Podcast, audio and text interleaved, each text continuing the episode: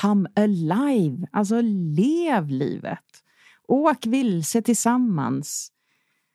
Ta vara på relationen, för det är den bästa platsen du har att växa som människa. Du kommer aldrig få lika mycket personlig utveckling som du får i en långvarig relation.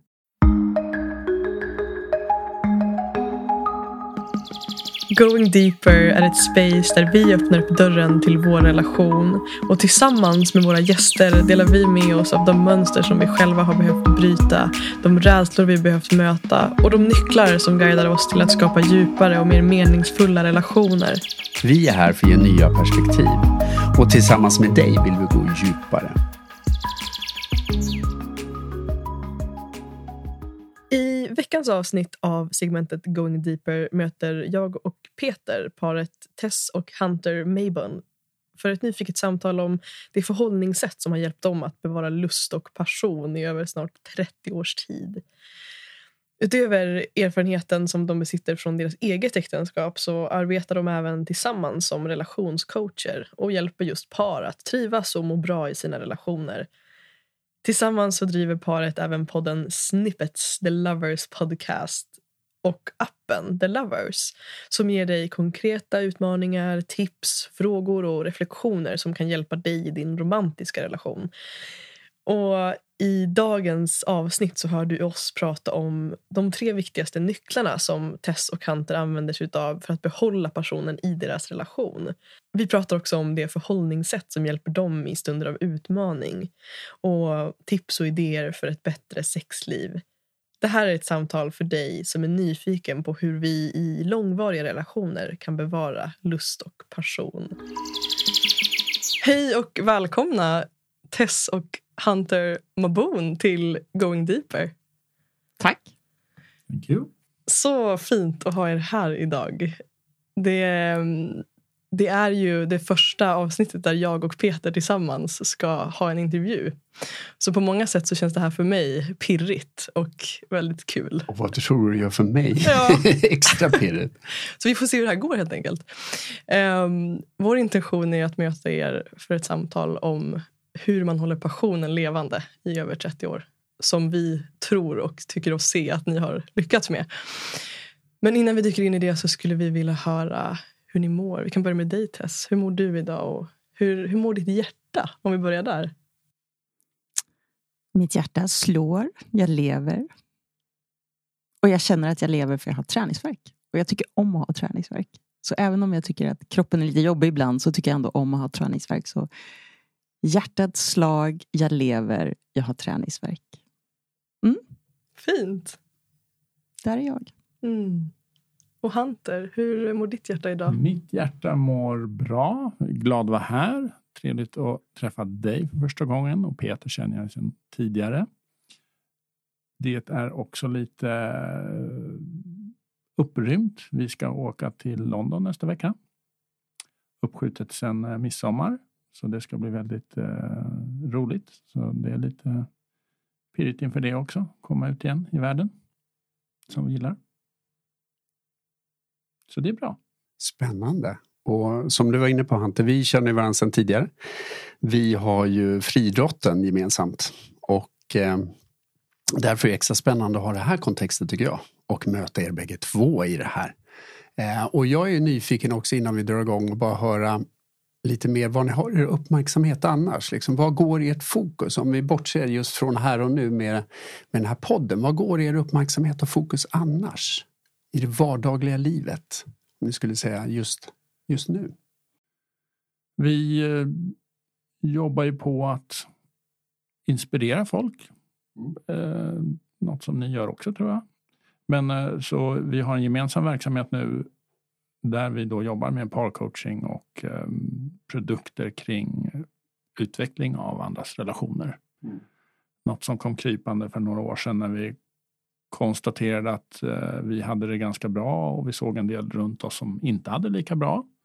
Så började vi fråga oss varför vi hade det bra och inte. Och sen har vi då studerat och eh, läst mängder sedan dess och börjat jobba med med det gemensamt. Vi släppte en app för ett par år sedan som heter The Lovers som är inspirerande och hjälpande mm, kort kan man säga till folk. Eh, och sen har vi byggt vidare från det och vi har jobbat och utvecklat en, eh, en parkurs och även en podd där vi delar med oss och inspirerar folk hoppas vi. Så där ligger väl vårt vardagliga fokus. Skulle jag säga. Och det är lite spännande för vi, jag har varit egenföretagare sedan jag var 18. Så i princip hela mitt liv. Och eh, vi har aldrig jobbat ihop mer än nu de senaste två, tre åren. Då. Så det har varit lite utmanande och, och roligt samtidigt. Så uppmärksamheten och fokusen ligger egentligen på att driva det, utveckla det, fördjupa det. Både genom, som du säger, att studera och läsa in flera saker men även också att eh, utbilda sig, ta kurser som vi också har gjort i Gottman-metoden exempelvis. Eh, men också skulle jag säga att uppmärksamhet och fokus ligger på familjelivet också. Alltså två ungar som bor hemma, hur länge ska de bo hemma? Uh, de är 19 och 22 nu så ja. det, vi börjar preppa för att bli av med dem. Ja. Och det är, det är lärorikt för oss men det är också en väldigt spännande bytpunkt har vi sett i många andras relationer. För här brukar det braka ihop hos folk när folk har flyttat ut. Ja. När, när, när barnen flyttar ut. Empty nest syndrome som det också kallas. Ja. ja. Så det är lite lärorikt för oss eh, också att se hur vi agerar och, och många vänner runt oss då, som har barn i ungefär samma ålder och, och vad som händer. Eh, och det sätter, ibland sätter väldigt stor press på relationen. Ja, vad ska vi göra nu? Alltså allt det gemensamma var barnen och eh, hushållet och hålla ihop det där. Och sen så är de inte så viktiga eller behöver så mycket hjälp. Så det blir spännande. Mm. Kan ju mycket om hur man ska handskas med det men det betyder inte att vi lyckas i alla fall. Vi är inte världsmästare. Nej. Också en eh, ny situation tänker jag för er. Även om ni är medvetna om att det kommer så blir det ändå det blir något helt nytt. Definitivt. Och särskilt som båda sönerna sysslar med musik och sång och gitarrspel så hörs de ju en hel del också i hemmet. Så det är väl min största rädsla att det kommer bli så tyst. Det jag tycker är spännande är också det ni berättar just det här att jag tänker att ni sitter inte här bara i egenskap av att ni har haft en relation så pass länge och som vi tolkar också med mycket passion utan ni för mig representerar ni också att ni har faktiskt träffat många andra par. Mm. Så det, blir, det kan bli ett väldigt spännande samtal tänker jag. Att det inte bara handlar om er utan vad är det ni har stött på hos andra par som gör att ni kanske reflekterar och gör annorlunda i er relation. För det är egentligen det vi också är nyfikna på att, att ta in och, och lära oss mer av. Okej, okay, vad är det andra par gör som verkligen, verkligen lyckas? Så det blir lite meta, meta om andra då också. Exakt. Ja men verkligen. Och eh, jag, jag blir ju nyfiken på liksom hur det här började. Alltså nu sitter vi här, eh, hur många år senare? 30? 29. 29 år 29 senare. Bara, ja, 29 just det, bara 29. Men hur, eh, hur, hur möttes ni? Hur träffades ni? Vi har ju det är en drag... jättefin berättelse. Ja, vi har dragit den här historien ett par gånger i diverse intervjuer och, och situationer. Um, vi är båda rugbyspelare ursprungligen. Och jag kommer från en rugbyfamilj där eh, min pappa grundade klubben jag spelade i. Jag har spelat eh, med mina två bröder i ja, nu snart 37 år eller sånt.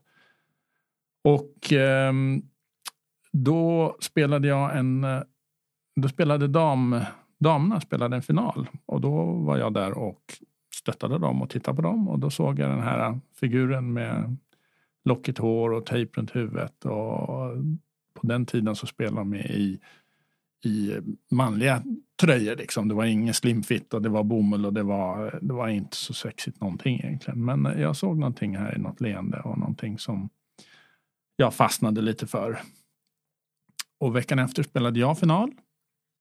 Så då var det tillbaka liksom betalning. Då var ju damlaget där och tittade på er när ni spelade.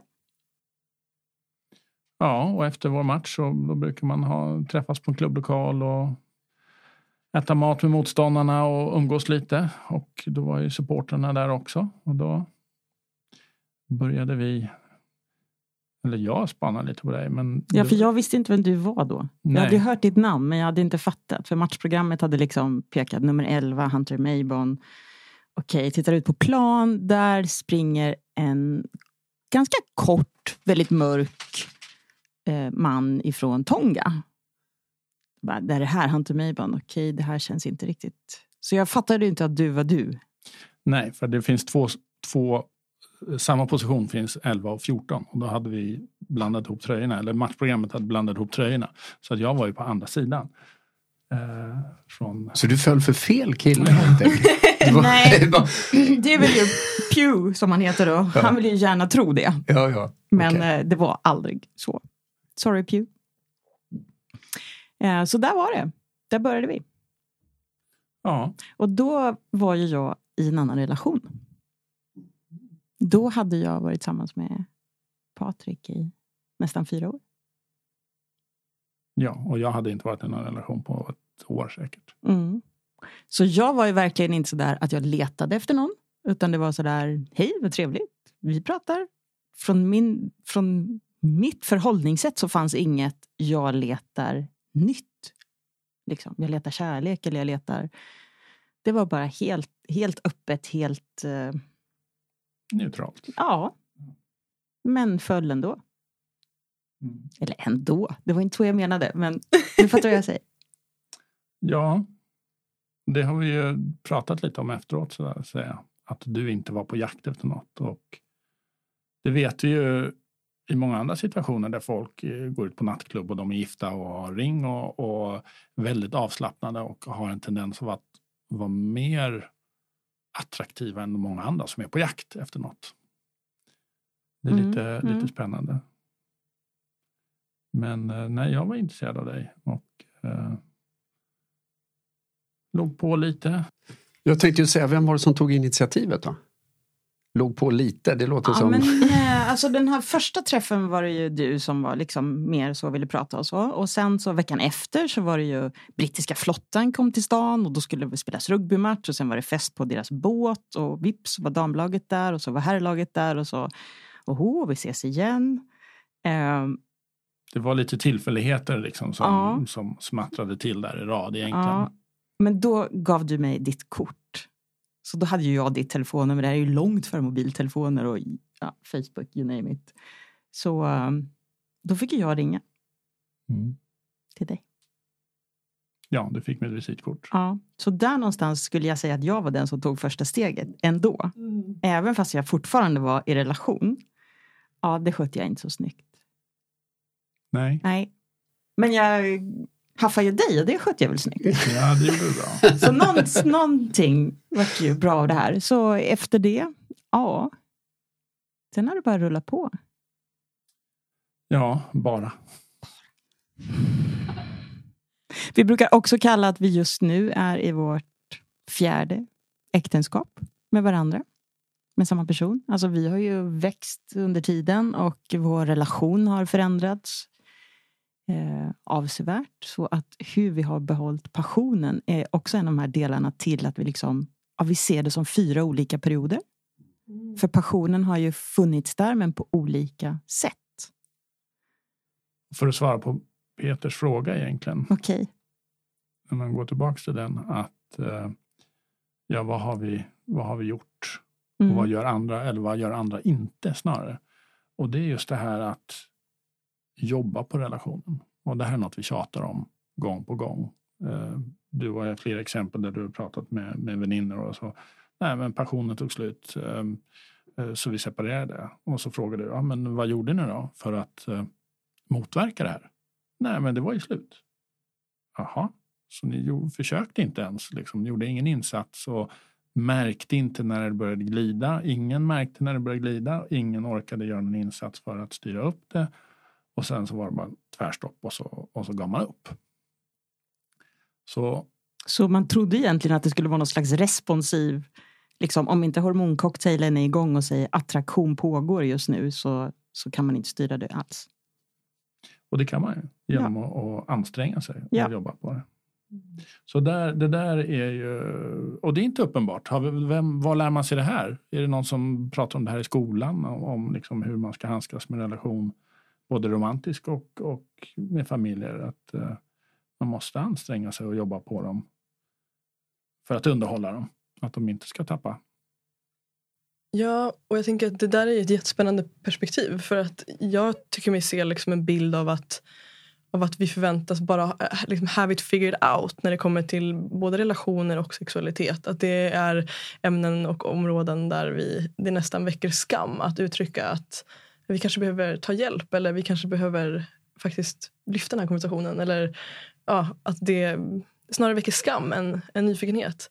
Och det, därför känns det viktigt att lyfta just det perspektivet idag också. Eh, och jag tänker att vi kommer komma ännu djupare i det eh, kring era, liksom, eh, hur, hur ni gör aktivt för att jobba på relationen som ni beskriver. Det jag skulle vilja veta innan är när det kommer till där när ni, när ni möttes i början så gissar jag att det var vissa saker som ni la märke till hos varandra. Du Hunter nämnde ett leende där och, ett, och lockiga håret. Liksom. Eh, och då är jag nyfiken på att höra om det är alltså det som skapade kemi mellan er i början. Skulle ni säga att det är samma saker idag som ni ser hos varandra?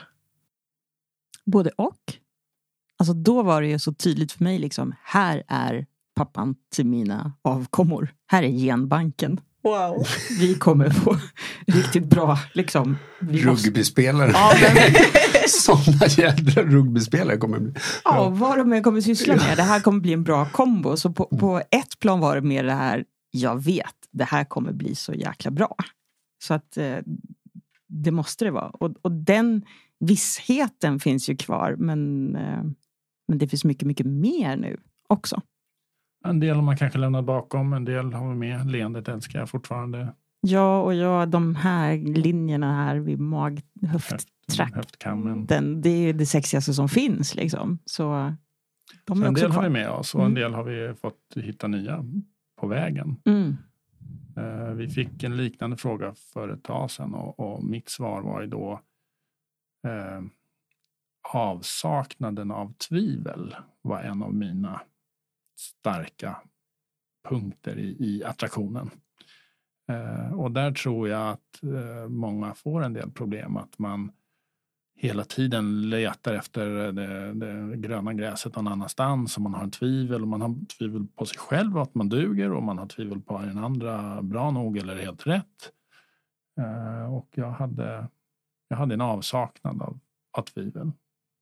Ja, och sen är det den där punkten också i och med att jag inte var letade efter nytt så föreställde jag mig inte heller utan jag var ju bara helt totalt öppen. Det här är jag. Take it or leave it. Jag behövde inte vara den här, och nu ska vi dejta, undra hur du kommer uppfatta mig, ba, ba, ba. utan nej. Det var ju liksom inte på banan. Eh, vilket gjorde att, att eh, alla sidorna visades och vart accepterade direkt. Det där har vi ju lärt oss idag då, att, att man eh, när man är förälskad och har hormoner som snurrar i kroppen så lurar man eh, ofta sin blivande partner. Man beter sig på ett vis som man tror att de vill att man ska bete sig på. Som inte är det du naturligtvis är.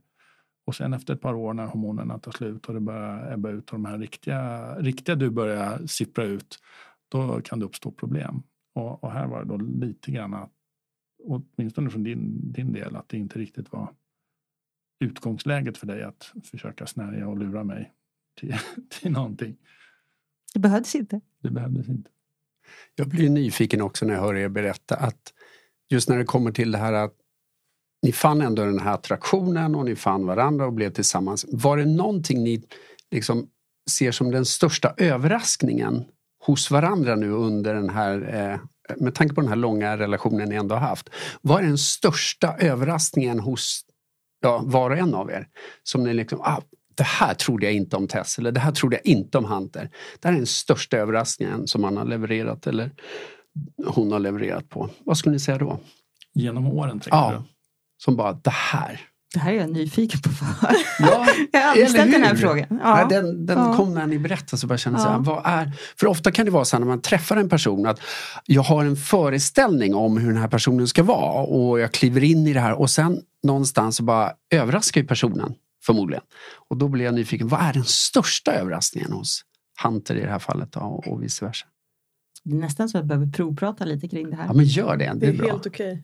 Jag tror ju att det här som du sa tidigare, där vi definierar att vi har varit i fyra äktenskap nu. det tror jag vi båda kan ha upplevt lite som en överraskning att det vi hade från början är inte kvar Mm. som det var i alla Mm. fall. Utan vi har, vi har, det har skiftat till något annat. Så först var vi, var vi båda eh, unga och ensamma och du pluggade och jag hade eget och vi eh, spelade rugby över hela världen och åkte runt och, och hade det roligt. Sen dök det upp barn och sen så blev de lite äldre och du hade en, en mer aktiv karriär. Så att de här skiftena tror jag nog inte vi var beredda på att det skulle bli så mycket förändring på vägen. Det tror jag kan vara, vara en, en stor överraskning så här när man ser lite helikopterperspektiv efteråt. Mm. Jag kan också känna att någonting som har överraskat mig var ju snarare hur jag har blivit eh, hur jag har upplevt det att vi kommer från olika kulturer ändå. Alltså, du har vuxit upp i din familj och jag har växt upp i min familj. Litet samhälle, större stad, engelskspråkigt, väldigt svenskt liksom. Och hur den, inte krock, men liksom, aha, nu fattar jag varför du tänker så, för du har ju växt upp där. Men inte att det var så överraskande om dig egentligen, utan snarare hur, vad som skedde i mig. Att det var det som var det överraskande. Ja, det, det får hänga där. Vad har vi mer gjort som överraskar varandra? Jag överraskar väl mig själv genom att gå på de här danskurserna till exempel. Inget jag hade valt själv egentligen, men eh, det har varit väldigt eh, utmanande och eh, roligt. Och ibland så gör vi bort oss båda två och ibland är du lite skickligare och har lite mer moves. Men vi kan garva åt det där. Och... Så det är kanske ett annat område. Och jag upplever att det är oftast du som har movesen. Men ja, jag tycker att vi är bra på att säga ja till varandra. Och då får vi också möjlighet att överraska varandra i våra ja. Ja. Sen kan vi ju ha våra egna passioner som man pysslar med helt själv, där den andra inte har så stort, stor investering. Men ändå ge någon slags respekt i det och ha lite nyfikna frågor kring det, men kanske inte hänger med på, på den resan. Så Mm. att, att ha gemensamma passioner och eh, saker som man gillar och ha individuella också känns ju väldigt bra. Och det blir en del som, som lätt hamnar i att de bara har varsin och så tankar de på i sitt eget spår och får ingen kommunikation eller feedback med partnern och alltså man, man glider ifrån varandra på något vis.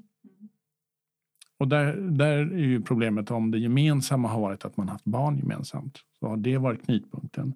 Och sen har man haft egna hobbys på, på varsitt håll. Och sen försvinner barnen. Och då finns ingenting som, man har ingenting att prata om. Med. Nej, och vem är den här personen? Är det inte samma som den som jag träffade för x antal år sedan? Va? Har den förändrats? Oj! Varför har den inte berättat det för mig? Eller, eller kunde jag ha ställt en fråga kanske? Lite typ, vad har vi för ritualer för att ställa frågor till varandra? Hur, hur lär vi känna varandra på nytt om och om igen? Så vissa av de här sakerna som kanske skulle ha kunnat vara som överraskningar kan jag ju uppleva nu när vi tittar tillbaka. Det var ju självklarheter för oss då. Så det, jag vet inte om det var överraskningar. Men för andra kanske det hade varit överraskningar. Ja, det är ju spännande perspektiv.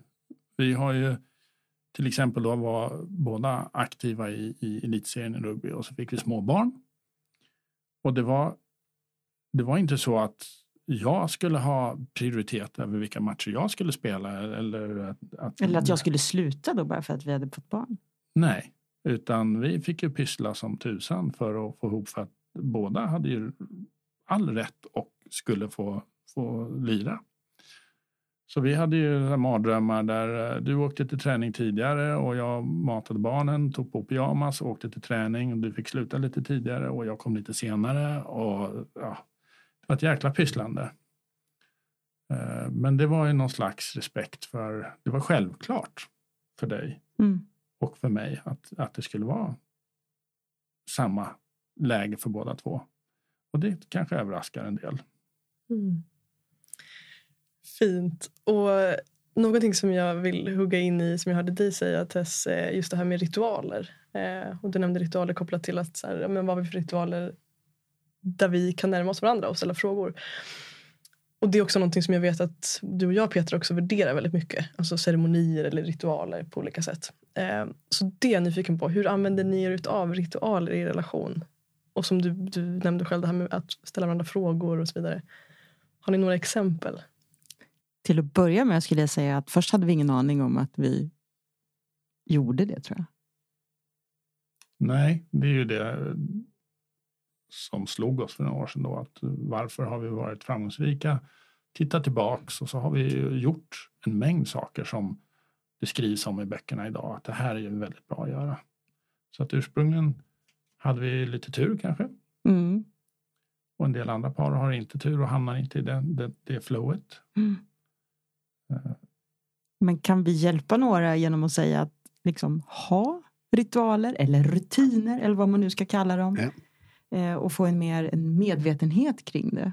Varför och hur vi gör det så är det ju mycket att vinna. Vi pratar ju en hel del med, med våra kunder om just det här. Det är en, en nyckel i, idag i, i att utveckla en relation och hålla den vid liv. Och samtidigt blir jag också, ska säga, jag blir lite anti ritualer på det viset att ja, men nu ska du göra det här och så ska du göra det varje vecka och så ska du eh, kanske träna på det här eller göra det här. Och då vet jag att både jag och människor tröttnar och slutar. Och så ha ritualer, men ha dem kanske lite cykliskt. Alltså man kör en grej och sen så kanske den mattas av lite och så får man hugga tag i någon annan och så kommer man på den andra igen. Men det där var ju bra, vi måste tillbaks till den. Att, att maniskt göra som står i de här böckerna liksom, och göra det här vecka ut vecka in ska ni träna på hur man bråkar. Liksom. Ja, visst, tjena, det kommer jag inte orka i 25 år. Eh, så lite pragmatisk syn till ritualerna också. De kan förändras, de kan komma och gå. Eh, men det måste finnas där av något slag. Men det behöver inte vara samma sak och det behöver inte vara hela tiden.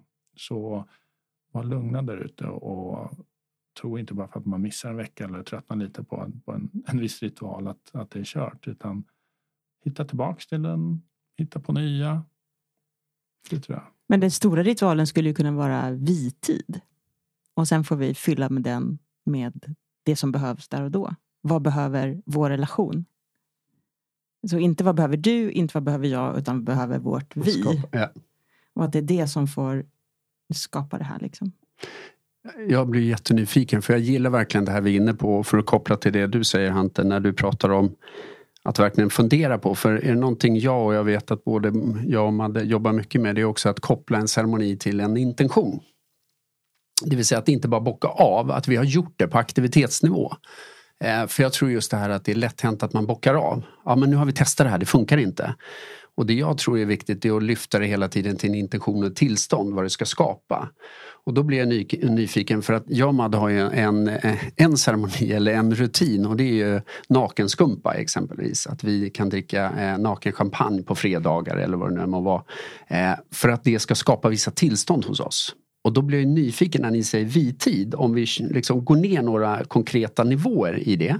För att ge våra lyssnare tips och tankar på vad är det för ceremonier rent konkret som ni skulle kunna koppla till skapar någonting hos er som gör liksom tillstånd, tummen upp eller vad det nu är ni vill skapa men som man lätt skulle kunna ta. För vitid, vad är det ni gör då?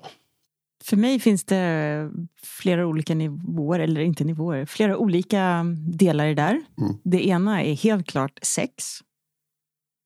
It's fabulous, så liksom det skapar bra vitid. Men lika väl att vi är nere på kolonilotten och i tystnad liksom Hunter håller på där borta och jag håller på där borta och det är liksom ordlöst. Vi är där. Bara. Vi bara är där. Det är också en väldigt bra vitid. För det är någon slags eh, outtalad intention men det blir ett slags vilsamt varande i viet. Vi kan också va bara vara. Vi behöver inte göra någonting eller fylla det med någonting. Så att, eh, ja, det är lite ytterligheter kanske. Vad finns det mer? Vad skulle du vilja lägga till? Nej, men jag gillar, jag gillar att vi har det spannet. Och samma här då för lyssnare att vara försiktiga med att det måste inte alltid vara att nu ska vi göra en ny kurs, nu ska vi göra eh, det och det och vi måste göra. Då blir det måsten. och då kanske ritualen tappar sin, eh, sin udd och det blir ett, ett görande, en, en intention som vi pratar om. Ja. Samtidigt har ju vi eh, gillat att testa en massa olika kurser av olika slag. Men korta grejer, inget, inget jättelångt. Det kunde vara, vi var på en sån här taiko-trumkurs en helg någonstans. Vad hette det sa du? Taiko, japanska trummor, så här stora trummor som man står och bankar på. Jätteroligt. Eller, Det låter ju eh, faktiskt skitkul tycker jag. Ja, Boka! boka.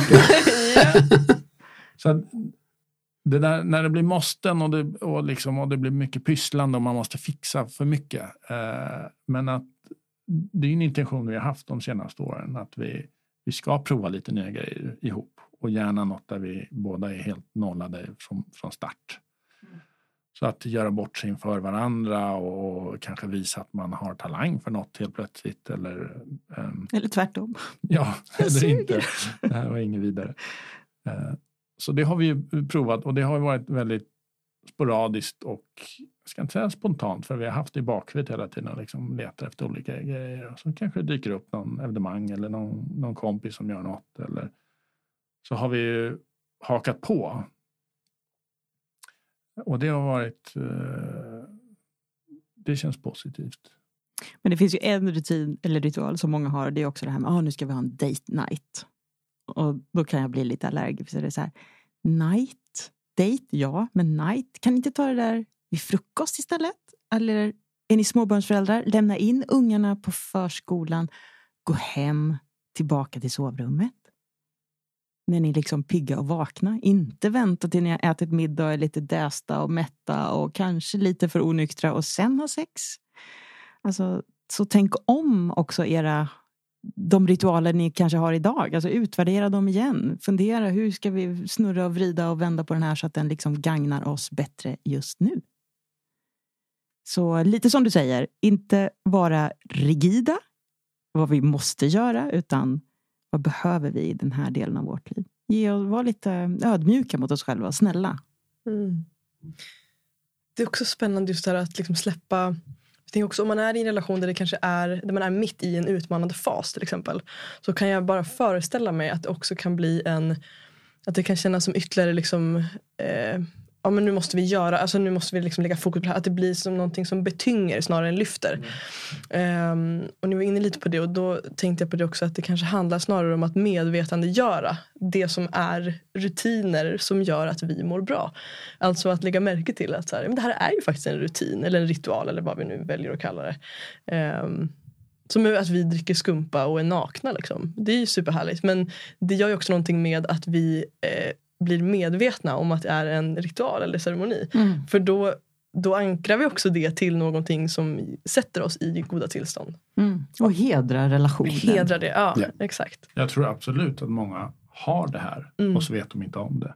Yes. Så medvetandegörandet är ju en, ett steg i processen också. Ja, just det, vi gör, det där gör vi ju Mm. alltid. Fasen vad bra, vad bra vi är. Mm. Mm. Och det är där vi vill börja jobba som parcoacher. Att lyfta styrkorna som redan finns. Exakt. Istället för att börja brotta med svagheter eller utvecklingsområden. Mm. Så börja där ni är bra. Och så jobbar vi därifrån. Och den tycker jag är jättespännande för jag tror att många par, precis som ni är inne på, är ju också säkert så inne i sin relation att de inte ofta stannar upp och observerar sin egen relation utifrån. Eh, för det tror jag också behövs göras mer, det vill säga att stanna upp och reflektera. Vad är det vi gör som verkligen funkar? Och vad är det som leder till goda tillstånd hos oss? Och kanske också eliminera och ta bort det som inte leder till så goda tillstånd. För jag tror att många hamnar i rutiner som också gör att så här har vi alltid gjort. Mm. Eh, och som du själv var inne på Tessa, att allt är ju förändligt. Jag menar, jag är inte samma person som jag var för 22 år sedan. Det vore konstigt att tro om jag skulle vara det. Eh, och förhoppningsvis utvecklas jag åt det bättre. Och, och samtidigt blir jag ju då nyfiken igen om vi går in på ceremonier. För jag tänker så här att har ni någon ceremoni om, om det kommer till att ni råkar i luven på varandra eller för att hitta tillbaka till varandra på ett snabbt sätt. För det tror jag att många relationer kan hamna i situationer där de kanske bråkar eller är sura på varandra och så vidare. Har ni någon ceremoni eller någon ritual kring det för att snabbt hitta tillbaka? För det är, vågar jag säga att vi bägge två är väldigt nyfikna på. Reparera. Yes, hur går det till och vad gör ni? Vi är inte jättebra där. Det är ett utvecklingsområde. Det är ett utveckling. Nej men vi har, vi har ju Jag uppskattar den här Då kan vi ligheten. provprata. Nej, men forskning visar ju att, att vad är det, 68-69 procent av alla bråk är olösliga. Eh, det är, siffran i sig är inte viktig, men Det är jättejobbigt för Hunter som alltid vill fixa allting. ja, det, då blir det svårt när man inte får fixa. När det går inte att fixa. Så den medvetenheten är viktig för många att, att inse. Det går inte att fixa. Okej, vad gör man då? Ja, men då måste vi lära oss att jobba runt det här. Vi kan handskas med situationen bättre. Det kanske inte betyder att vi måste förstå den. Nej, men också att vi då kan bli bättre på att reparera när den har hänt. Vi vet att den kommer att hända. Vi vet att den kommer att komma tillbaks.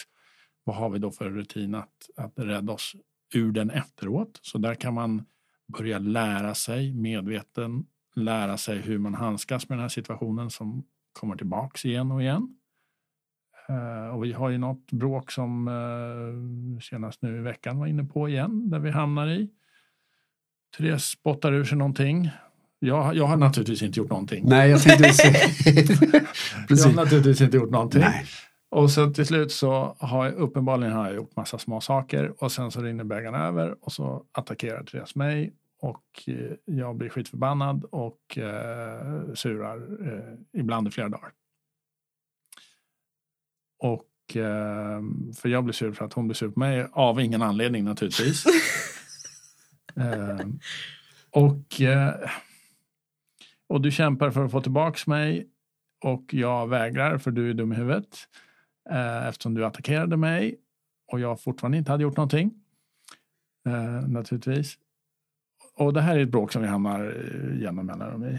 Och sist nu, var det i veckan eller förra veckan? Ja, men då drog vi det här liksom med ungarna, 19 och 22. vid Så att de också fick liksom. Ja. De såg att vi var sura liksom. Så det var fullt bråk vid matbordet. Vi bara, nu låter vi det här ske. Nu bråkar vi och så ser vi vad de säger och vad de gör. Det var ju också väldigt spännande att bjuda in dem i det här. Vad hände då? Ja. Vad hände? Nej men de har ju lite, de- den yngsta sonen har läst lite av de här böckerna som eh, vi jobbar med. Mm. Och den äldsta har ju studerat filosofi på universitetet. Och, så de är kloka unga män och har, eh, De är otroligt fina läromästare. ja men de konstaterade i alla fall att vi inte hatade varandra. Alltså Mm. de, det, han gör det inte här med flit, han gör inte, eh, ja. Så att det fanns, de gjorde en del konstateranden. Och eh, det, det var häftigt, det var, det var märkligt men eh, det var häftigt. Och ibland så kommer vi tillbaka från de här fighterna snabbare än andra och eh, sex kan absolut vara en, en faktor. Men då häromkvällen så var det väldigt tydligt för då fråg jag kommer inte ihåg, någon av dem frågade, eller så var det du som frågade hur jag kände mig just nu och då sa jag jag kände mig väldigt ledsen. Och då sa du, vill du komma och sitta i soffan med mig? Och då sa båda sönerna, ja pappa, bra svarat! Så då gick vi bara och satte oss i soffan. Liksom. Och att för mig är det jätteviktigt att bara, ja men är jag ledsen så måste jag få vara ledsen. Jag behöver inte ha en anledning och jag Ja. behöver inte liksom så, jag så, jag Ja. sluta, sluta.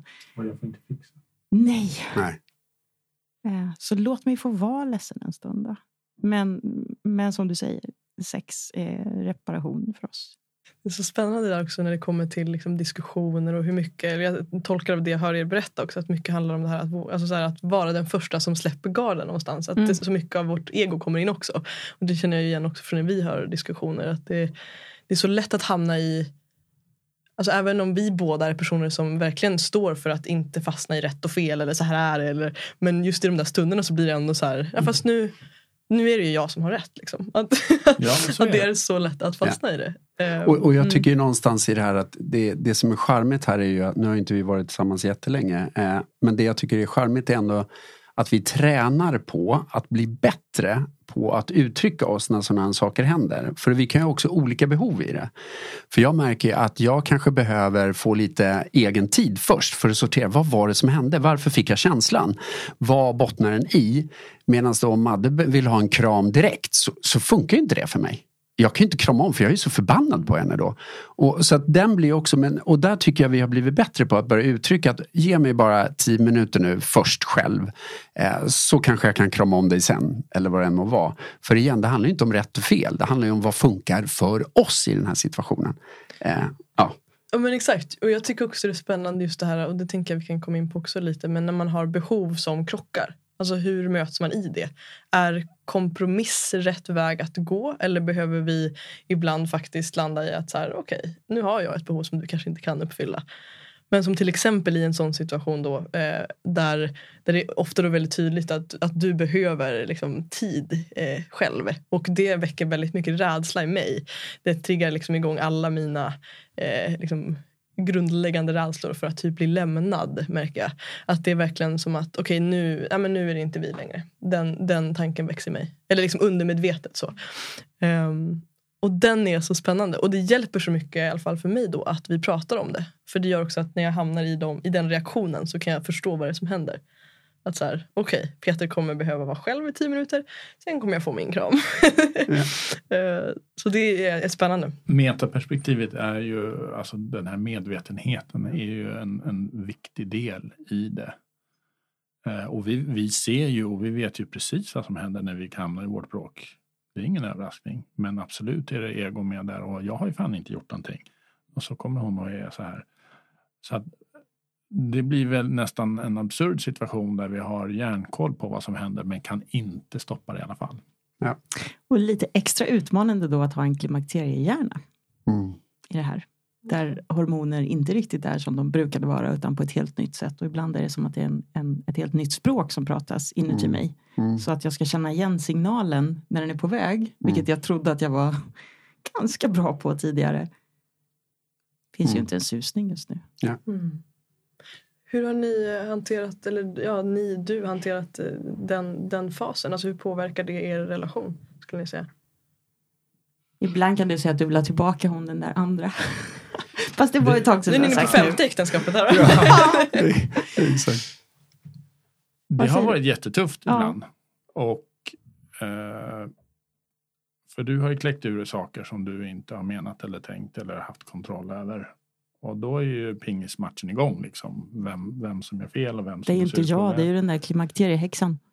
Så att det har varit riktigt tufft. Så jag har ju behövt jobba mycket med att försöka acceptera, tolerera, ta lite skit och veta att det där inte är sant. Och det är jättesvårt. För det, man tror absolut att det är sant och att du menar det du säger. Så att det har varit utmanande. Och framförallt har det ju gått i vågor. Så man vet aldrig riktigt när de här attackerna eller konstigheterna kan dyka upp.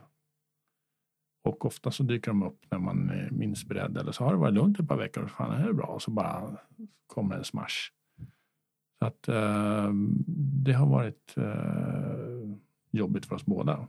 Mm. Och du kan ju sitta och gråta och så här, alltså, du känner inte igen dig själv och du vet liksom vad fasen mm. Kommer härifrån. Mm. Så det har varit, eh, det har varit tufft. Mm. Men samtidigt inte inte separationstufft. Inte så att det här nu pallar jag inte med. Även om jag har tyckt att jag har varit dum i huvudet eh, många gånger. Eller sagt dumma saker. Så har det fortfarande varit att uh, det här ska vi, det är självklart att vi ska jobba igenom det här. Liksom. Så det, det är något för er lite yngre lyssnare att se fram emot. Just det.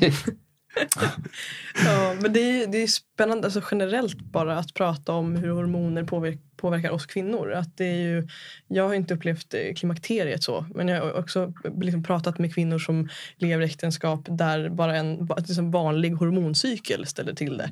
Där kvinnan en gång per månad under PMS-perioden vill skilja sig. Liksom. Så att det, det, det, behöver ju inte heller eh, liksom, bara härleda till klimakteriet utan Nej. också så här, en rubbad hormoncykel mm. påverkar en relation. Mm. Mm. Eh, ett liv, ett välmående. Så. Mm. Så och jag har ju mm. aldrig haft några symptom mm. överhuvudtaget under hela min uppväxt kring, alltså ja, puberteten var jag väl inte så lätt att handskas med men liksom ingen kring, kring, ingenting kring mina perioder av mens. Liksom. Mm. Så det här är helt nytt för mig. V- vad är den största skillnaden skulle du säga om du tänker på före då och eh, nu när du, som jag tolkar det, du beskriver att du är i det nu. Vad, och du säger att du har en klimakteriehjärna. Vad, vad, vad skulle du säga är, är den största skillnaden då som du märker? Alltså jag är ju också utbildad mindfulnessinstruktör Ja. och i det så har man ju då ett begrepp man brukar prata om, the gap. Att liksom man skapar the gap. Så det är någonting som sker, jag ger mig själv en liten paus innan jag sen reagerar istället för agerar. Eh, Så om jag tidigare kunde liksom pausa så är det nu som att jag jump the gap. Så att vi går bara ännu snabbare Blixtsnabb. in, blixtsnabb in i agerande. Så, och, och också på ett sätt att det kan vara som en slags ny autopilot, en helt ny version som bara eh, vad sa jag just? Det där har jag ju aldrig sagt. Liksom. Så det är på ett sätt som att jag sa så här, det är klimakteriehäxan för det känns som att det är någon annan som har flyttat in i min kropp. Avsaknad av rim och reson väldigt mycket också. Från mitt perspektiv. ja, jag tänkte säga det. Det är från Hunter. Men du säger ju själv, även för dig själv ibland avsaknad och reson. Vad, sa jag? Absolut, absolut. Så om, så om jag då har den här möjliga förmågan att vara observeraren samtidigt så kan jag ändå inte hindra det här. Och det är det som har känts så jäkla jobbigt själv. Att jag ser det ske, jag vet att det inte ska ske och jag, bara, jag har ingen chans att hindra det. Jag ser vad som har hänt, jag ser vad som kommer att ske och det bara, det är bara att låta det löpa på. Ah. Hur har din upplevelse varit att, ehm, alltså i att prata om det här öppet? För jag tänker att generellt bara så, alltså kvinnohälsa är ju också ett ämne som på många sätt kan vara tabubelagt eller inte pratas om. Eller allt från när vi får vår första mens så vågar vi inte berätta. Eller när Mm. vi, liksom att det på många sätt är är tabubelagt. Upplever du det eller känns det eh, Ehm, både ja och nej, men väldigt lite i att, att det är tabu. Utan snarare att det uppskattas och önskas eh, och hejas på. Men visst finns det delar som vill hyscha ner och tycka att det där pratar Men du har ju om. varit ganska framåt. Du har ju skrivit en hel del på din blogg om det här. Och, Ja, och eh, och jag fick ju operera bort min livmoder 2003. Liksom. Så att jag har ju också skrivit om det och det har ju också blivit mycket läst och liksom mycket pratat om kring den delen. Så jag har ju aldrig varit liksom mm, tyst på något vis. Det är inte jag. Jag kan inte vara tyst. Sen kan jag ju tycka att det är jobbigt ändå med de som kommer och, och tycker att du borde vara lite tystare. Men ja, det är inte jag. men det har inte varit så många ändå Nej. kring det där. Nej. Faktiskt, utan det har mest varit positivt. Och det är många kvinnor som har alla möjliga diffusa problem. Och eh, ibland är det bara skönt att läsa att andra har, har Ja. problem också. Att det Och det underlättar ju för samtalen istället. Att det är fler som öppnar upp sig och berättar sina stories. Ah, jag såg att du hade det här, så jag, eh, det här har ju hänt mig. Och, eh, en av mina kusiner som har gjort provrörsbefruktning och hennes, hon har berättat mycket mer om sin resa och så vidare. Ja.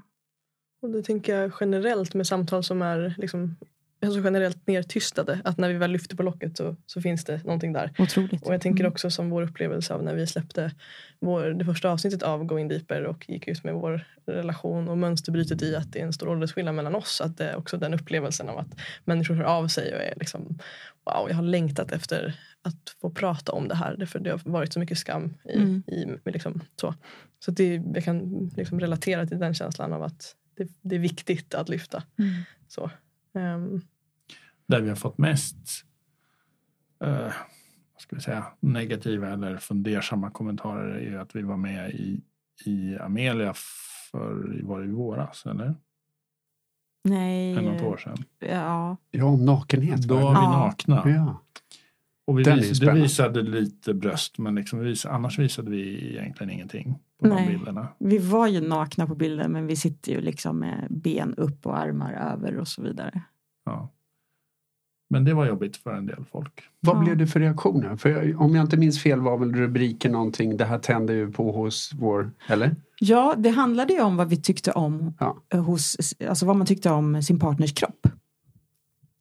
Så hur hyllar jag min partners kropp? Just det. Det var ju hela... Eh, Ja. Ja, det var en fin text. Ja, och det var flera olika par som var intervjuade och vi, eh, ja, vi var en av dem. Men de som då inte tyckte det här var bra, de hade ju inte ens läst texten. De hade sett bilden. För den hamnade på Expressen.se på första sidan. Fyra, vad blir det då? Fyra så här små punkter ner liksom. Så den var ju liksom in everyone's faces. Alla som går till Expressen. Härligt ändå. Jag tänkte säga det också. Men det visar väl kanske också på vart vi är i samhället i mångt och mycket. Att folk har väldigt lätt att gå igång Ja. på saker vi ser istället för att vilja ta reda på vad som finns där under. Vad handlar det om? Ja. Och också kanske inte ta den där pausen att eh, reagera utan agera direkt. Mm. Och det är ju det vi också ibland eh, slås över att eh, Mm. ja, folk kanske inte vill ta sig tid att förstå egentligen min och Maddes relation heller utan Mm. dömer utifrån Mm. och skapar sin egen sanning om vad det handlar om. Precis. Men jag har några hejaklacksledare som jag hör av mig till för att få liksom den här boosten då när jag behöver den om vi har fått mycket. Mm.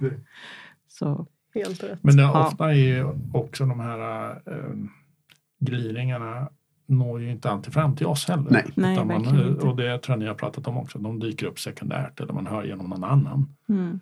Eh, att det finns en, en viss... Och då vill vi inte riktigt ta emot dem. Ja. Då får de faktiskt, då säger vi, då får de komma och säga till själva. Ja. Jag brukar skoja om det också att om, om vi kan bidra till att människor har någonting att prata om så är det jättebra. Alltså om inte människor har något annat att prata om så varsågod prata om oss. Det, Och det kanske, gärna göra. och kanske väcka någon tanke ja, till. ja. Jag, Det, är- det är precis där vi tänker med våran podd. ja. För då kan man som par lyssna på podden, till exempel när vi pratar, vi har en säsong om sex. Till exempel hur man ska prata om sex. För då kan man sitta där i bilen till, tillsammans, lyssna på ett avsnitt. Och sen kan man gadda ihop sig mot oss. De där sa så här, det vill väl inte vi pröva? Eller? Eller hur kan de säga så? Och så blir vi ett team Ja. mot de där andra. Så att det, mm, vi gillar det. Ja, det är fantastiskt. Jag skulle vilja... Mm, nu har vi pratat övergripande om eh, liksom knepen och ert förhållningssätt till hur ni håller er passion eh, levande. Men för att göra det ännu lite mer konkret så skulle jag vilja höra om ni har liksom, tre stycken eh, nycklar. känns lite klyschigt att säga, men liksom, ja, vi säger det ändå. Tre nycklar till att hålla passionen levande. Nummer ett skulle jag säga är ansträngning. Att anstränga sig för att, eh, vad det än kan vara, piffa sig. Se den andra, liksom göra en ansträngning i sitt yttre och kanske i sitt inre. Då. Men eh, ja, inte förfalla. Inte för fan. Det är bra. Ansträngning, ja, arbeta på. Det andra, den här kanske jag inte sagt förut egentligen, men det är ju hur man bygger upp sitt liv kring sin karriär och sitt yrke och sin, sin livsstil och sitt eh, hem och sina behov. Alltså, eh, måste vi båda jobba heltid? Måste vi ha två bilar? Måste vi ha ett sånt här hus? Måste vi ha ett, ett, eh, ett semesterhus någonstans? Och många av de här faktorerna tror jag skapar så mycket arbete och jakt för att uppnå det. Att annat som egentligen är viktigare. Det här var ju ett, ett väldigt tydligt beslut vi gjorde tidigt. Redan när jag pluggade så gjorde vi det här tydligt. Så jag har ju gamla GH-klasskompisar som fortfarande kan komma och tack. Liksom. Vi lyssnade på dig då. Så vi har också gjort sådär. Så att, det- och det där tror jag är väldigt vanligt. Eh, och, och det är lätt att man halkar in i det. Det kanske inte ens är en plan, bara att man hamnar där. Eh, sen har vi, vi har ju växeldragit lite. För när vi träffades då jobbade jag väldigt mycket med eget. Och då pluggade du och sen så hade du karriär och jobbade lite mer och jag tog barnen lite mer. Så att vi har växlat lite fram och tillbaks där. Men eh, och ta sig en funderare kring sin, sin eh, att göra en plan kring sin livssituation. För jag tror många halkar in i det och har inte ens planerat och så bara hamnar man där och så, ska, och så jagar man någonting som man egentligen inte ens har önskat men som bara dykt upp framför en och säger ja det där, det där ska vi ha och det där ska vi ha. Så ta, ta en funderare kring, eh, kring en livssituation egentligen. Behöver ni verkligen allt det där? Hur många tips tycker du ge? Tre eller fyra? Tre. Tre. Eller eller ge mer, herregud. Jag skulle vilja säga två till. Ja, kör på. Kör. Den ena är det här som du brukar prata om, eh, se relationen som en hobby. Precis som du skulle nörda ner dig om det var så här, åh, jag ska bygga järnvägsspår här nere i källaren och fylla hela den med whatever man nu fyller med järnvägsspår. Liksom. Kan du nörda ner dig lika mycket i din relation? Och se den som en hobby, kanske läsa på, vara nyfiken, intresserad, ta till dig tips, testa, utforska, skapa en medvetenhet. Vad har vi för rutiner, ritualer etc. Så är det en. Komma med på den här listan. Och den fjärde då? Sexbuffén. Den vill vi höra mer om. Jag vill höra mer. Få höra, vad är sexbuffén? Sexbuffén är ju spännande. De flesta människor eh, har leftover sex. Det innebär alltså att jag tror eh, inte att Therese vill ha det här och det här och det här. Ja, då tar vi bort det. Hon Tror, tror. Ja, jag tror. Hon tror inte att jag vill ha det här och det här och det här. Ja, då tar vi bort det. Vi har fortfarande inte pratat med varandra. Exakt. Eh, och det kan vara bara någonting man inbillar sig eller någonting samhällsnormerna trycker på eller eh, något annat. Eh, och okej, men vad har vi kvar då? Ja, men då har vi de här tre grejerna. De tror vi båda att båda vill ha. Ja, då, då blir det vår sexmeny som vi har. I 20 år eller någonting. Eller något kanske. sånt. Eh, men man har aldrig frågat eller pratat med varandra om det. Så sexbuffén eh, bör öppnas upp genom diskussion. Fråga, testa. Man kanske rent av eh, ska titta på lite porr tillsammans eller något annat. Eh, jag vet inte vad. Men att prata överhuvudtaget om det, börja bena i det. Och en till del av det här är ju då man måste skilja på fantasier och önskemål. Och eh, ibland kan fantasier vara bara fantasier. En fantasi kan omvandlas till ett önskemål över tid. Det kan hända lite olika grejer där. Så att en, en kommunikation kring sex och eh, vad man drömmer om eller vad man blir tänd på. Och man kan bli tänd på alla möjliga konstiga saker som man skrämmer sig själv av till och med. Att det där hände något i mig när jag såg det där. Det var, det var jag inte beredd på. Men det skulle vara spännande att ge sig en sån utmaning. Ta en helg liksom, tillsammans och gör någon slags, fyll hela väggen med post-it-lappar och se hur, hur stor kan ni göra den här sexbuffén? Alltså gå inte in med några begränsningar överhuvudtaget. Utan folk gör det här, folk gör det här. Folk tyckte om sån här sex, den här ballongsexgrejen liksom. Clownsex liksom. Alltså, Den har vi inte vi testat. Nej men alltså hur bred kan man göra den här då? Verkligen anstränga er för att skapa en så stor buffé som möjligt. För att sen kanske bara den, den där gillade jag, den där gillade jag. Och då finns det ju till exempel appar där man också kan testa det här. Eh, Erika Lust som också gör porrfilmer då, hon har ju X-Confession-appen. Där ni två skapar varsitt konto och sen swipar ni på sex grejer. Och när ni får en match så blir det pling Så får ni reda på det. så får ni reda på det. Liksom. Så en sån grej kan också hjälpa till att skapa en större sexbuffé eller möjlighet till det Jag här. älskar det. Jag älskar just den, eh, alltså det svaret. För att någonstans, eller lösning eller vad vi nu väljer att säga. För att någonstans tror jag också att det ligger så mycket skam kring att prata om sex. Och som ni var inne på, att vi tolkar att den andra vill eller inte vill. Mm. Och, och är det någonting jag tror funkar väldigt väl i relationer det är att våga prata om sex och våga prata om önskemål och fantasier och så vidare. Och lyfta och inte ha det så mycket skambelagt. Men det är där jag tror hela samhället bidrar till att det är fortfarande extremt skambelagt. Men vad härligt när det inte är det i en relation. Och då säger vi igen, vägen dit kan vara att lyssna på en podd som pratar om sex så att man kan liksom Yes. teama ihop sig mot den eller med den. Jag tänker exakt att så här, det kan ju också vara jag tolkar, nu sitter vi alla fyra här och pratar öppet om sex och jag to- tolkar på så att vi är bekväma med det och så vidare. Eh, och, sen så kanske någon lyssnar som aldrig har haft ett samtal om sex eller eh, får liksom eh, kallsvett, blir kallsvettig av tanken att gå hem till sin man och berätta att jag skulle vilja det här.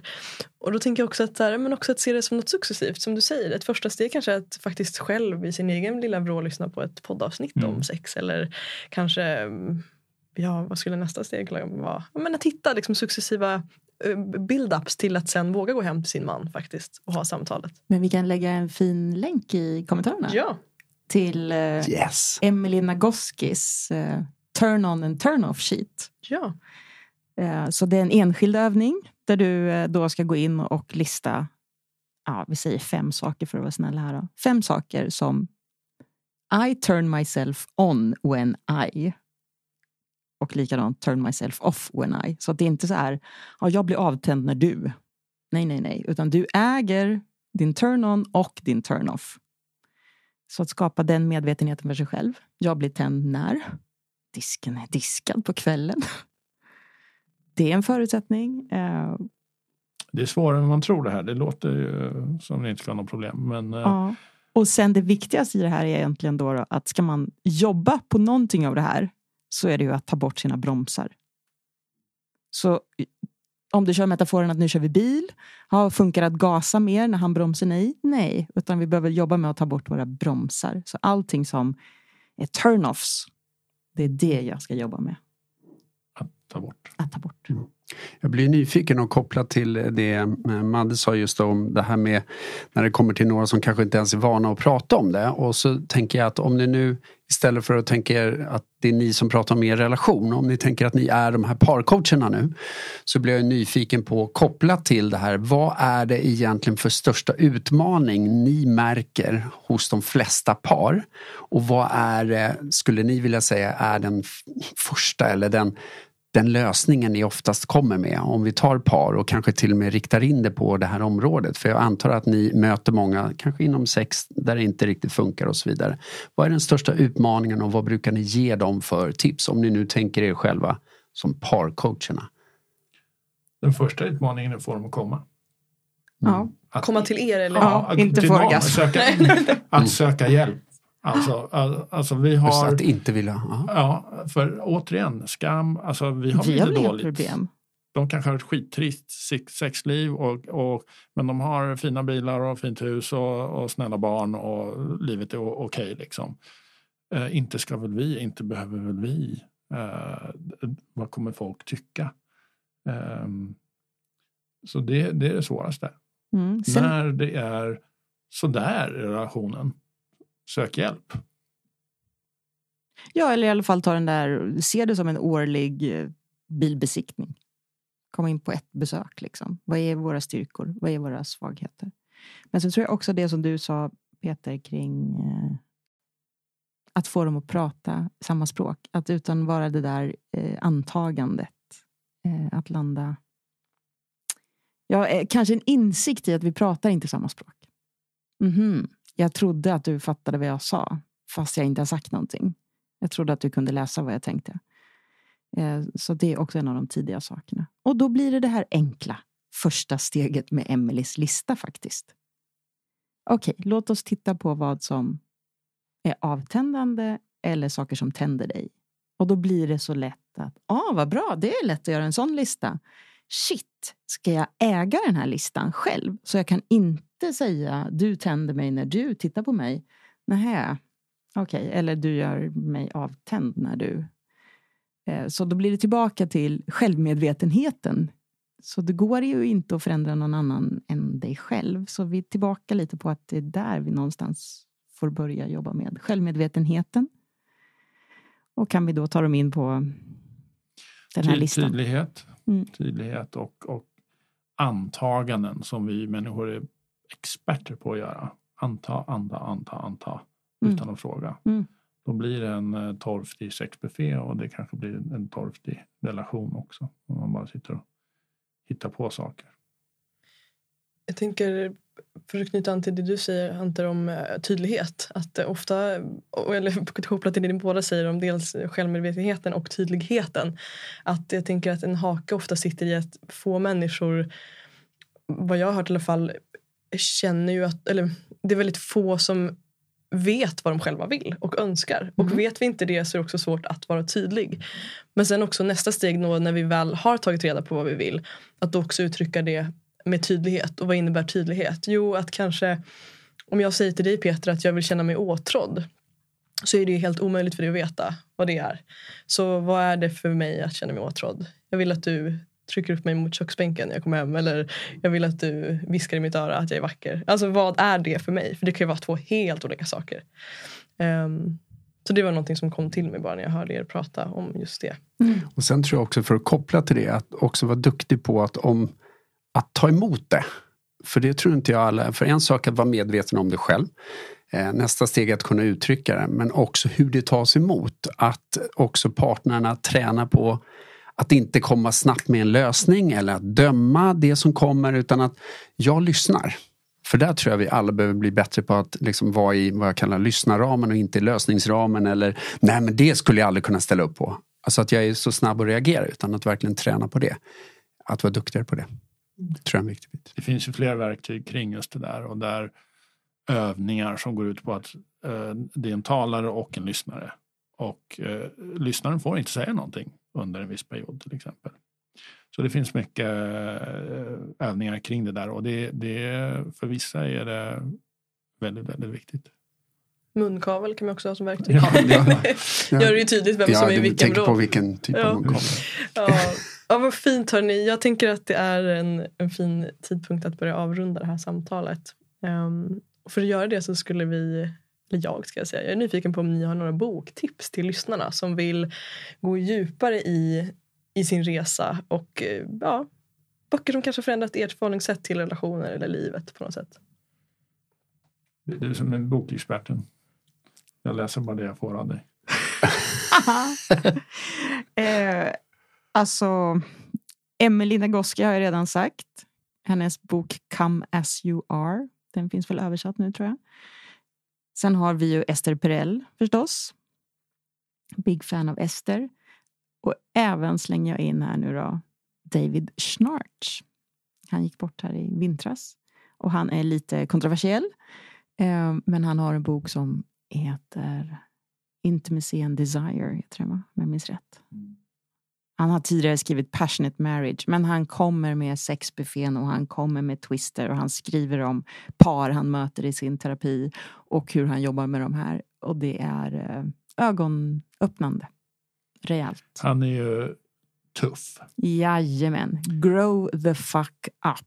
Ja, visst, det är din anknytningsteori. Sure, but grow the fuck up. Du är inte barn längre. Den vill jag läsa. Ja. det tänker jag direkt. Så han sänker ju anknytningsteorin rätt rejält. Mm. Och det finns, eh, det finns saker att lära sig från alla teorier och idéer. Eh, han är en, en, en, en enda av spektrumet. Eh, för mig som är man och lite konkret och gillar att fixa. Jag gillar honom skarpt. Och sen naturligtvis är, är Gottmans, John och Julie Gottman har ett antal böcker som är väldigt bra också. Mm. Och Hendrix, Conscious Loving som har många år på nacken. Den är från 80-talet. En del av de här grejerna, det är det som är spännande. Det är inget nytt. Mm. Uh, snart bättre böcker, den är, den är snart 20 år gammal. Uh, och likaså Gottmans ja. är också 20 år gammal. Ja. Men samhället har nog inte varit beredd att ta emot dem förut. Fortfarande inte helt öppna armar men, men uh, större tolerans, större medvetenhet, större, mer nyfikna människor. Så det var en hel, eh, ett batteri med spännande Boktips. läsning. Fantastiskt. Får vi hem och beställa böcker. Och hur kommer våra lyssnare i kontakt med er om de vill prata med er eller ta hjälp av er eller vad det nu kan vara? Vi finns ju på Instagram och vi finns på Facebook och vi har en hemsida som ska få mer kärlek, men den finns där. Ja. Uh, thelove.rs. Mm. The Lovers blir ju det. The Lovers är det namnet vi använt. Vi har en app som heter The Lovers. Vår podd heter Snippets, The Lovers Podcast. Uh, och på Instagram är vi The Love underscore RS. Och Facebook är någonting med The Lovers också. Mm. Jag är säker på att ni kommer hitta oss via Madeleines länkar. Ja, vi länkar också i podden. Mm. Exakt. Mm. Så det blir perfekt. Och om ni tänker er att ni fick nå hela världen i 30 sekunder och alla, alla lyssnade verkligen på det här. Och nu tänker jag ni kanske får dela upp ert svar kanske enklast. Eftersom att ni inte har fått synka ihop det här svaret innan. Så får 15 sekunder var. Ja, precis, nu får ni bara enkelt. 15. Ja. ni gör som vill. Antingen svarar ni tillsammans eller var för sig. 30 sekunder med världen, vad skulle ni vilja förmedla? Grow the fuck up. Ja. Det, var, det var två sekunder, så nu har du 28 sekunder till. Alltså. Alltså på ett sätt vill jag bara säga breathe motherfucker som Wim Hof liksom. Eh, men Nej, men grow the fuck up, det ligger bra saker i det. Men också på något vis då come alive. Alltså lev livet. Åk vilse tillsammans. Ta vara på relationen. För det är den bästa platsen du har att växa som människa. Du kommer aldrig få lika mycket personlig utveckling som du får i en långvarig relation. Never ever. Så vill du växa som människa, skaffa dig en relation. Och i, det, i den andan och eh, i er livssituation så är det så här. Varför bryr sig så mycket om vad någon annan gör? Varför bryr sig om att ni har en åldersskillnad? Varför bryr sig om att, eh, att någon är homosexuell? Varför lägga någon energi på någonting som inte har med dig att göra överhuvudtaget och helt ointressant? Så du lägger en, en du får, nu är vi lite över 30 sekunder, men, men eh, den här eh, energin på andra och vad andra gör och vad andra tycker och vad andra tänker. Eh, lite självkärlek kanske kan vara något. Bry dig inte om vad de andra gör. Ta hand om dig själv. Fint. Det gillar jag. Och vi har egentligen en sista fråga att ställa och det är för att säkerställa nu att vi har fått med allt det viktiga. Och den sista frågan vi skulle vilja ställa nu är Vilken fråga skulle ni vilja att vi ställde till er nu? Om någon. Om det är någon, precis. Vilken fråga skulle ni vilja att vi ställde till er? vill vi berätta mer? Annars har ju du en bra fråga du brukar ställa till mig, viska i örat ibland. Vad kan det vara för något? Have I fucked you today? Okej, då, frågar vi, då frågar vi den. Have, nej, men då blir det konstigt. Jag kan Have fråga. we fucked you today? Nej, Not yet. not, not yet. Hem och ligg nu mer, nu sätter vi på Ja, paus. Precis. Hem och ligg. Tusen, tusen tack hörni. Det här har varit eh, helt fantastiskt, verkligen. Eh, fint också att Snowy, lilla hunden som vi har med oss, bara vaknade till liv här när jag tackade för idag. Nej men verkligen, tusen tack. Det har varit så givande och jag är säker på att lyssnarna kommer ta med sig så mycket inspiration och verktyg från det här samtalet. Det var snabba 80 minuter. Verkligen. Tack. Tack till dig som har varit med oss idag. Vi är så nyfikna på hur det här landar i dig. Vilka tankar, insikter, frågor och kanske till och med triggers väcks inom dig. Det betyder enormt mycket för oss att få ta del av dina processer och vi ser fram emot att höra från just dig. Skulle du vara intresserad av att gå ännu djupare och fortsätta det här samtalet så har vi också skapat en Facebookgrupp för att samlas och connecta. Och du hittar den genom länken som finns i beskrivningen till det här samtalet. Ett annat sätt att hjälpa oss att sprida samtalet vidare och att hjälpa oss att vara en del i att skapa en mer nyfiken och öppen värld är att posta det här på din story och helt enkelt visa att det här är perspektiv och samtal som behöver lyftas. Än en gång, tack till dig som är här med oss.